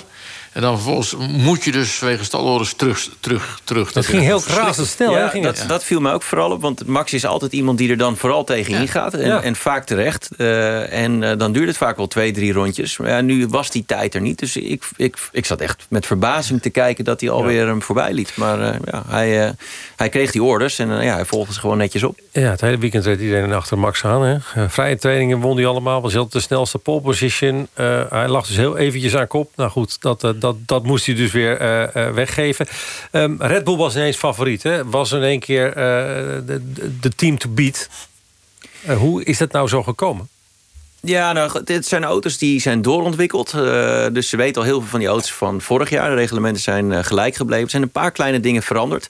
Red Bull had een hele uh, lastige auto om mee te rijden. die veel overstuur had. Dus die achterkant die wilde vaak uitbreken. Um, er is aerodynamisch wat veranderd in die auto's. en de Red Bull rijdt altijd met heel veel reek. Dat is een beetje een technisch verhaal. Maar dat houdt eigenlijk in dat die achterkant heel hoog staat van de grond. Ten opzichte van de voorkant. Dus een beetje gekanteld op de neus. de Mercedes juist weer wat vlakker. En die rijdt eigenlijk echt... als een eh, horizontale auto. En dat schijnt met de nieuwe aerodynamica net wat beter te zijn wat, wat Red Bull heeft. Dus dat die auto wat meer op zijn neus staat. Uh, hij is wat voorspelbaarder geworden en dat, dat geeft vertrouwen. En vertrouwen is heel belangrijk. Als je eenmaal eh, goed voelt in een auto, ga je meteen harder. En hoe werkt dat dan nu? Is het, dan, uh, het is nu geloof ik drie weken niet. Hè? Uh, gaan, gaan ze dan Mercedes als een malle sleutelen... En, en, en toch nog iets veranderen... zodat hij op die, op die Red Bull gaat lijken? Nee, dat is te laat. dat, dat krijg kan je, niet meer. Nee, dat krijg je nooit meer voor elkaar. Want zo'n aerodynamica luistert zo verschrikkelijk nauw. Daar, ben je echt, nou ja, daar zijn ze al twee jaar mee bezig met deze auto's. Of anderhalf jaar. Nee. met die ontwikkeling. Daar gaan ze mee de windtunnel in. Je kunt het zelf wel doen met je hand uit het raam met, uh, met 100 op de snelweg. Dan voel je al wat een, ja, een beetje wind doet. Mm -hmm. ja, die auto's gaan natuurlijk uh, dik boven de 300. Dus elk klein dingetje aan die auto, dat scheelt. En dat concept ja. kun je niet meer veranderen. Kees, jij bent dus een volger, hoorde ik net al. Jij kijkt al die Grand Prix. Um, dan heb je dus al jarenlang gekeken naar een sport waarbij ze vooral allemaal in een optocht achter Hamilton. Dus jij ja. bent wel heel erg blij dat het nou eens een keertje een echte strijd wordt. Ja, uh, ik, ik, blijf een, een, probleem houden dat ik een totaal gebrek aan technische kennis heb. Dus uh, ik heb ooit in 1978 voor de NOS in Argentinië en Brazilië de Grand Prix mogen verslaan. Maar ik had geen idee hoe dat technisch allemaal in elkaar zat. James Hunt en Mario Andretti waren toen uh, de, de, grote mensen. en ik volg het nu vooral op chauvinistische gronden. Ik vind Verstappen een interessante persoonlijkheid. Een echte topsporter. Eigenwijs, mooie mening. Uh, gaat vaak tegen interviewers in, vind ik ook interessant. Uh, dus ik ben blij met die spanning. Ik, ik, was ook wel een beetje een Hamilton-fan, moet ik eerlijk zeggen. Want die prachtige arrogantie spreekt me ook wel aan.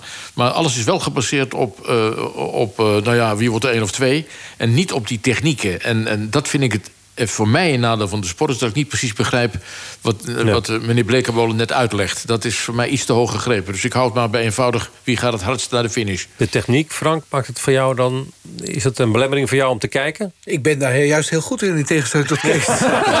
Waarom geloof ik dit niet? Ja, het is lastig. Maar je hebt natuurlijk ook nog eens uh, de strategieën die erbij komen kijken. Ja, die vind ik uh, wel mooi hoor. Ja, dat, dat kunnen we wel veel lastig. Ja, ja, ja. Je hebt natuurlijk de verschillende kleuren banden. Um, uh, ja. En, en ja, nu verloor Maxima eigenlijk een beetje op strategie. Was altijd een sterke punt van Red Bull, toch? Uh, absoluut, maar dan, dan zaten ze ook in de aanval vaak. Aha. En uh, nu uh, was Mercedes ah. eigenlijk die de aanval koos. Heel vroeg.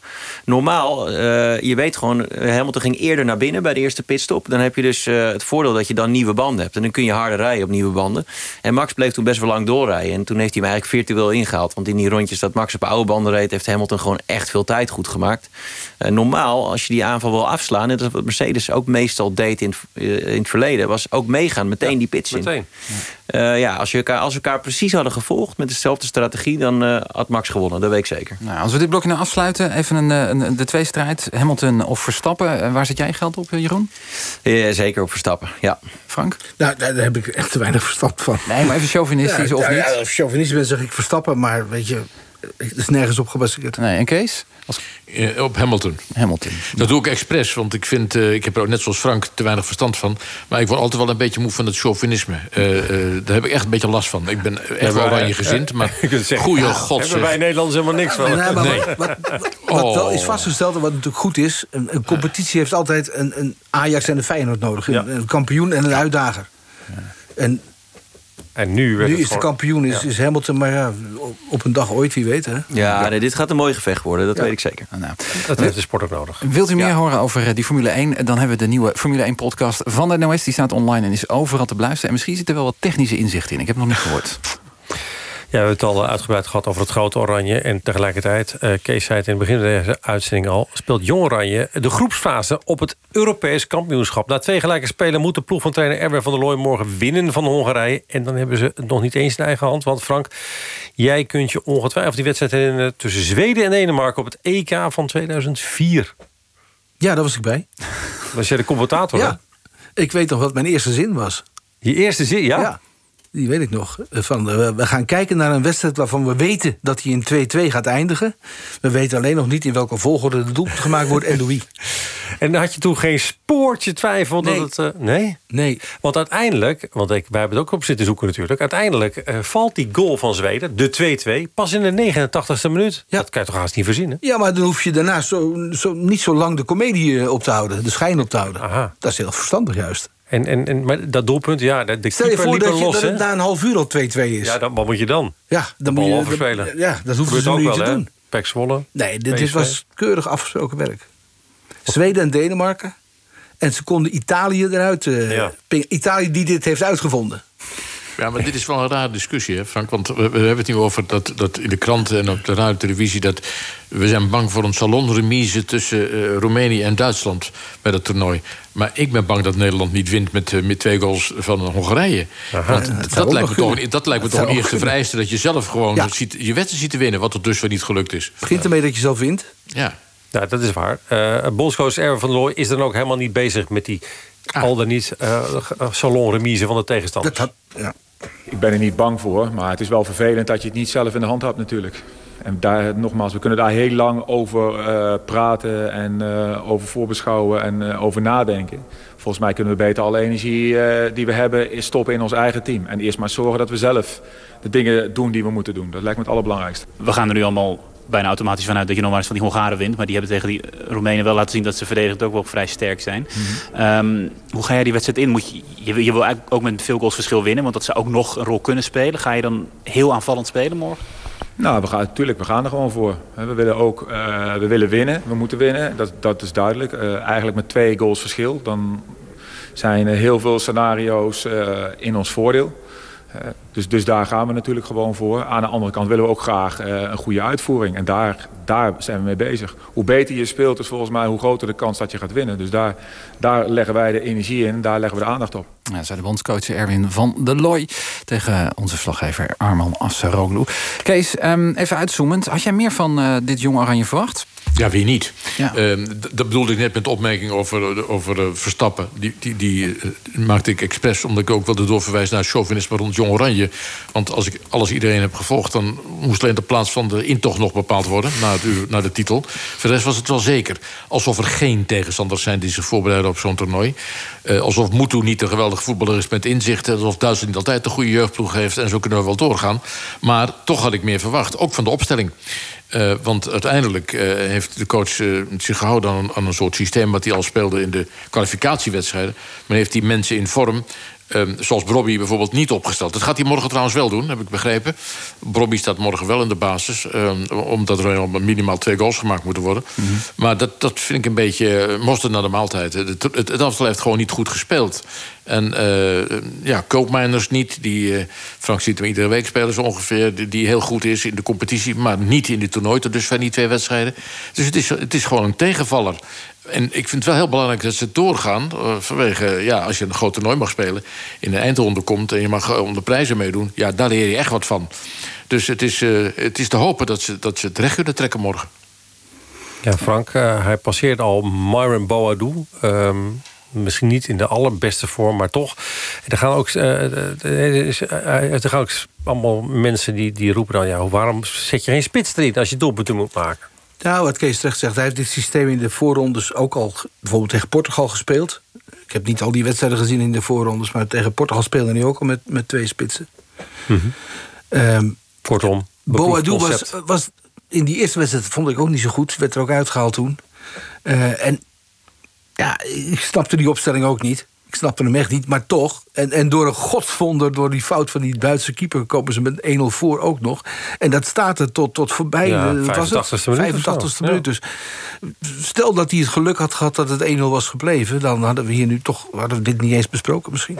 Nee, zo simpel is het ook wel weer natuurlijk. Maar, um, maar het, het, is niet zo gebleven. Het is 1-1 geworden. Hij heeft nu een probleem. Ik hoor toch steeds meer mensen zeggen van... is het niet gek, of zich afvragen... is het niet gek dat uh, Jong Oranje niet hetzelfde systeem speelt... als het Groot Oranje? Uh, dat kun je gek vinden, maar uiteindelijk speel je het spel om te winnen.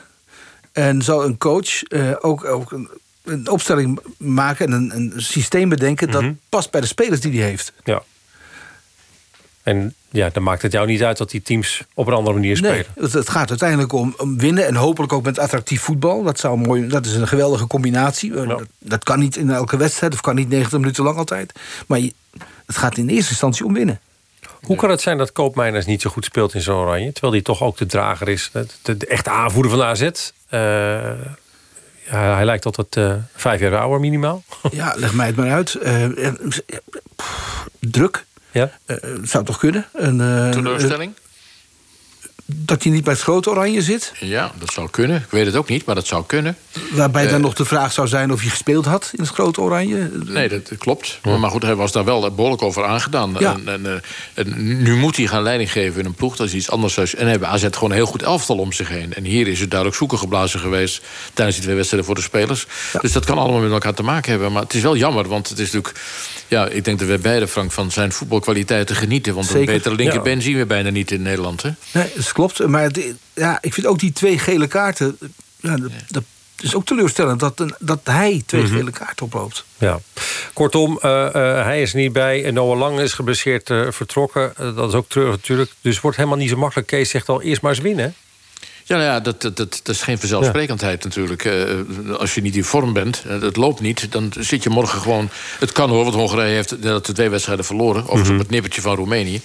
Maar... Uh, je komt niet zomaar weer in vorm. Dat is maar de vraag. Cardioglu viel in, die zal morgen ook wel spelen, deed goed. En Brobby heeft natuurlijk, uh, nou ja, die heeft ook een soort uh, zelfvertrouwen uh, dat, dat het aftal nodig heeft. Want die gaan volgens mij morgenavond spelen. Dus het, is, het, het ziet er allemaal best gunstig uit. Want ik neem toch wel aan dat ze die partij kunnen gaan winnen. Maar ik hoop wel dat het echt gewoon 2-0 of meer wordt. Want anders dan ja. komt Zweden, Denemarken en Frank Snoeks weer in, in beeld. Tot, tot, tot, slot nog eventjes. Um... Erwin van der Looy praat uh, naar verluid met de KVB over verlenging van zijn contract. Is dat dan gek als het morgen gewoon uh, weer 1-1 wordt? Of moeten we dan daar niet van zo'n wedstrijd laten afhangen? Uh, nou, het is niet een wedstrijd, het is een toernooi, hè? Het is een eindtoernooi. Ja. ja. Ze hebben het heel goed gedaan in die kwalificatie. Alle wedstrijden gewonnen op de uitwedstrijd tegen ja. Portugal na. Maar dat was een competitieve wedstrijd, 2-1 verloren. Niet zo gek. Portugal ook een goed team. Dat speelt ook goed EK nu, twee -hmm. wedstrijden gewonnen. Ja, dat, daar ga ik niet over of, of, of iemands contract dan verlengd moet worden. De, ik zit daar niet dag, dag, in dag uit bovenop hoe hij zijn werk nou doet. Ja, goed, je, je kan zeggen, want hij presteert niet goed. Ja, sorry, maar... Uh... Het was, uh, ja, jullie zeggen allebei, het is heel slecht wat er, wat er gebeurt nou, in het Hongarije. Is, het is onder de maat. Ja. Onder hun eigen ja, onder maat. De maat Onder hun niet, eigen niet, maat. Niet, ja, niet, niet heel slecht, maar onder de maat. Maar kijk, wat ik ook wel vind... Uh, uh, is dat je moet niet als, als bond of als opdrachtgever of werkgever...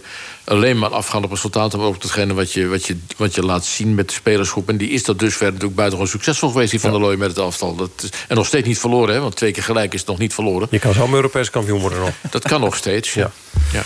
Gaan we terug naar het uh, grote oranje, want in de schaduw van die kwalificatiewedstrijden speelde de situatie in Qatar een grote rol. Het golfstaatje is de organisator van het WK van volgend jaar en staat behoorlijk ter discussie. Vooral de arbeidsomstandigheden van de vele arbeidsmigranten. In het land is de wereld een doorn in het oog. En dan wordt altijd graag een beroep gedaan op de sport en dus nu het voetbal. Het leverde vorige week een ongemakkelijke situatie op tijdens de persconferentie met Jorginho Wijnaldum. Ik heb nagedacht over uh, de vraag die je stelde met racisme en nu met Qatar. Maar begrijp je wel wat je doet eigenlijk? Om het racisme-verhaal te vergelijken met Qatar. Eigenlijk zeg je dus, als, je, als, je, als iemand uh, racistisch is naar een, in dit geval een bruin persoon, mag je niet voor jezelf opkomen. Want je gaat wel voetballen in. Nee, nee. In, nee, nee, nee. Je gaat wel voetballen in Qatar. Dat is heel fout wat je doet. Want nu zeg je eigenlijk, je kan, als, als je racistisch bejegend wordt, mag je niet opkomen voor jezelf. Nee, nee. nee, dat is wel zo. Want je zegt, toen je het nee, toen. Mag ik dan misschien de vraag even uitleggen? Toen kon je heel concreet een statement maken. Toen kon je zeggen... Ja, maar dat is niet te vergelijken. Nee, dat, ik, dat is wat heel wat anders. En daarom vroeg ik, wat kun je nu concreet doen... om hier bezwaar tegen te maken. Ja, ik, ik, ik heb erover nagedacht. Ik vind het echt. Ik, ik vind dat je het echt. Uh, ik vind het raar. Ja, Kees, toen ik hier naar luisterde, hoorde ik vooral een spraakvorming van twee mensen die um, elkaar niet helemaal begrepen. Dat klopt. En ze hebben naar de hand, begrijp ik, van Pascal ook, uh, ook uh, uit kunnen praten. Want Pascal had oprechte bedoeling met de vraag. Uh, hij wilde niet de koppeling maken. en zo werd het door Wijnaldum, zo zie je mij hoe gevoelig zaken ja. kunnen liggen, wel begrepen. En, en na afloop hebben ze dat blijkbaar uitgesproken. Maar ja, het, is een, spraakverwarring... omdat het zo'n heet item is geworden. Ja. Um, had de PR-afdeling van de KNVB dit, dit um, kunnen of moeten voorkomen... dat dit zo'n leven is gaan leiden? Vraag je mij? Ja. ja. Uh, misschien hebben ze het wel gedaan. Kijk, bij deze discussie speelt... Ik sluit helemaal niet uit dat het uitvoerig is, is doorgenomen. Maar er zit zoveel emotie in. Want Wijnaldum was al uitgesproken... maar meende iets te horen of te begrijpen... en kwam toen uit zichzelf uh, terug, wat ik overigens zich wel aardig vind. Op zichzelf kwam hij, zichzelf kwam hij terug op degene wat er gezegd was. Dus, dus uh, ja, ik had het misschien toch iets anders uh, willen zien. Namelijk dat er gewoon keihard een goed statement was gemaakt door en de coach en Wijnaldum einde discussie. Want nu krijg je dus dit soort Babylonische spraakverwarring waarbij iedereen geraakt wordt waar niemand wil raken. Dat, is, ja. dat, was, dat was slordig. En eindigen we met een tekst op een zwart shirt. Football supports change. Yes. Frank? Ja. Ja. Keek je daarvan op? Nou, ik, er was aangekondigd ja. door Matthijs de Licht... dat er een statement zou worden gemaakt door het Nederlandse afstand. Dus daar was ik, wel nou, was ik voorbereid. Uh, ik was er ook op voorbereid dat ik even nog mijn mond moest houden... omdat ze in die catacomben stonden. Dat, daar waren virtuele toeschouwers. Uh, een soort even tot, uh, even tot hier. ja. Die allemaal aan het zwaaien waren. Ja. en daar zou het, het, publiek worden toegesproken. zou ik mijn mond moeten houden... En ik was ook nog niet voorbereid op dat moment dat daar dan dat statement zou komen. Toen zag ik wel die zwarte shirts. En ik kon niet eerst niet goed zien wat erop stond. En dan zag ik iets van. Ik dacht dat er supporters op stond. Dus ik denk, oh, het is een gebaar naar die supporters. En dat statement zal straks wel komen. Voor het eerst supporters in het stadion. Ja, ja, En, ja, en dan zag ik voetbal en supporters. En toen dacht ik later, oh, het is, het is dat supports change. Wat, en Zegt Weet je, het was eigenlijk te hoog gegrepen voor mij. Ik begreep niet wat hier nu precies mee bedoeld werd. En ik heb er toch maar het verhaaltje van gemaakt. Dit, omdat ik begreep, die shirts ging op een gegeven moment uit. Ja, dit is het statement van de Nederlandse ja. richting. Hiermee willen ze uitdrukken. En dat het verschrikkelijk is wat er met de arbeidsmigranten in Qatar ja. gebeurd is. En ik heb nog de getallen genoemd, voor zover die bekend zijn. En, ja, maar ah, ik heb eigenlijk nog steeds niet het idee dat ik die tekst begrijp. Nee, nee dat zegt eigenlijk genoeg, hè? als Frank het al niet begrijpt, Kees. Nee, precies. En ik begrijp heel goed dat Frank dat niet begrijpt. Ik zat nogmaals niet ver van hem vandaan. Ik moest ook goed turen wat erop stond. Omdat ik dacht van ja, ik, ik had misschien in mijn hoofd iets anders als statement uh, bedacht. Maar ik, ik, weet ook niet wat ik bedacht had. Maar, maar dit vond ik, ik, ik... dacht, ja, wie bedoelen ze nou? Gaan ze nou de spelregels uh, veranderen? Of uh, weet ik veel wat ze dat gaan doen? Dat deden de Duitsers beter, Kees. Ja, natuurlijk. Dat, dat, die hadden elf spelers. En dat was ook goed te lezen, wat er stond. ja, ja nou, dit was slap. Dit was slap en, en, en, en, en niks, sorry. Nee, uh, dank voor jullie licht daarover. Gaan we terug naar uh, eerder vanavond. Want toen werd bekend dat Bibian Mentel is overleden. En daar hebben we in deze uitzending veel aandacht aan besteed. Drie weken geleden was Gregory Sedok gast in het Sportforum. Een paar dagen nadat Mentel haar ja, afzet had genomen op Instagram. En hij sprak daar mooie woorden voor mij is Obama een, een, een enorme inspiratiebron. Hè? Zeker de mensen die me wat langer kennen, die zeggen altijd: wie is voor jou nou een hele grote? Dan zeg ik altijd: ja, dat is Barack Obama. En uh, waarom? Ik vind uh, Obama charismatisch. Ik vind hem een leider. En hij is ook echt een, een, een mens. Um, daarnaast heeft hij ook nog laten zien dat, dat, dat iets wat bijna onmogelijk bleek. Hè? Dus, dus, dus als zwarte man president worden van Amerika. En ik weet nog heel goed dat toen hij in Nederland uh, was... toen ben ik naar Schiphol toe gereden en toen zag ik die vliegtuigen... het was de helikopters overvliegen. En ik moet eerlijk bekennen dat ik toen echt een traantje heb gelaten... omdat hij voor mij echt een, grote inspiratiebron is. Dan zou je wel denken, wat heeft het met Bibian Mentel te maken? Nou ja, ik denk dat heel veel mensen zich kunnen identificeren eh, met haar. Hè? Dus als, als vrouw, maar ook als Paralympier. Um, en iemand die ook terminaal uh, ziek is. Zij heeft gevochten als een leeuw. En uh, net als je denkt, hè, ze krijgt nu een, een knock-out. En dan staat ze weer op. En soms kreeg ze ook een, een, een linkse, een onverwachte linkse. Maar ook dan schudde ze haar hoofd en, en stond ze gewoon weer op. Ik weet niet hoeveel rondes een bokswedstrijd uh, heeft. Hè. Ik weet niet hoeveel die hebben. Maar deze wedstrijd die duurt net even te lang. En uh, ze heeft gevochten, maar niet verloren. Want Bibian verliest niet. Ze verliest namelijk nooit. Ze gaat nu alleen even in de hoek zitten. Ze gaat even uitrusten en terugkijken op die wedstrijden die zij letterlijk heeft moeten vechten. En poeh, wat was dat zwaar. Ondanks dat ik haar persoonlijk niet heel goed ken, ga ik haar en ja, ga ik haar heel erg missen. En voor mij is, uh, ik begon mijn verhaal over Barack Obama. Maar Bibian Montel is eigenlijk net zo'n grote... en misschien nog wel net even iets groter... omdat ik het persoonlijk ken. Een absolute inspiratiebron. Ja, prachtig verwoord door Gregory, Gregory Sedok een paar weken geleden. Esther Vergeer, meervoudig Paralympisch kampioen... en nu chef de mission, reageerde eerder in onze uitzending. Ik ga haar in ieder geval herinneren als dus eh, een van de krachtigste vrouwen die ik ooit heb leren kennen. En dat ik dus die boodschap, wat ik net al zei... dat je, als je ergens in gelooft, dat je daarvoor mag vechten en moet vechten... Uh, zolang je de juiste mensen om je heen hebt. Um, en ook ja, het positieve inzien van um, alles wat het leven te bieden heeft. Want volgens mij heeft ze tot, tot, tot op het laatste moment heeft ze maximaal genoten van van haar thuis en, en van de dingen om haar heen. En um, dat is een hele waardevolle les volgens mij. Ja, ook op social media veel reacties. Er hebben een paar uitgepikt. Premier Rutte schrijft op Twitter dat hij bedroefd is door het overlijden van Mentel. Een uh, icoon van de Nederlandse Paralympische sport. Met haar positiviteit en immense doorzettingsvermogen. Een voorbeeld voor ons allen.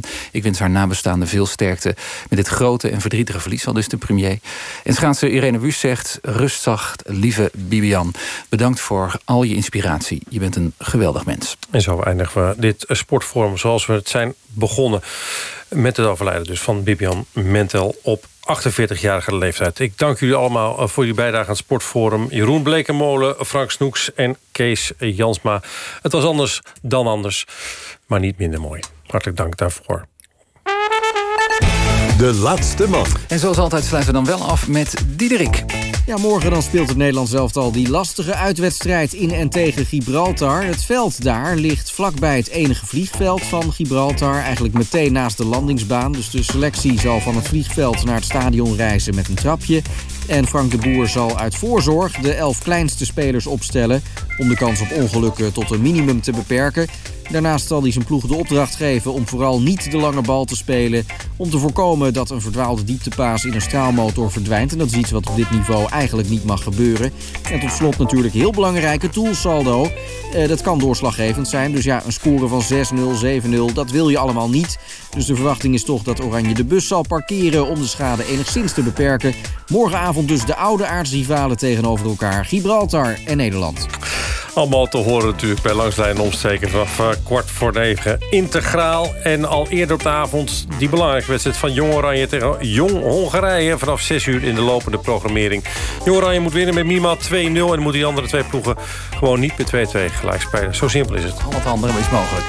Deze zender gaat nog door met het oog op morgen. Een terugblik op deze dag en een vooruitblik op morgen met Chris Keijnen. En wij zijn dus morgen. Tot dan. Dag. Bye.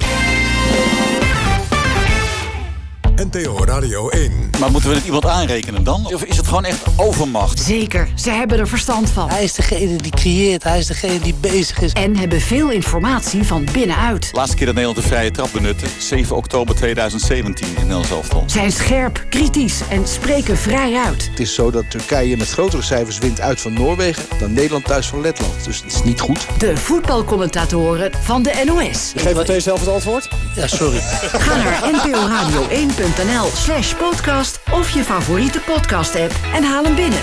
De NOS Voetbalpodcast.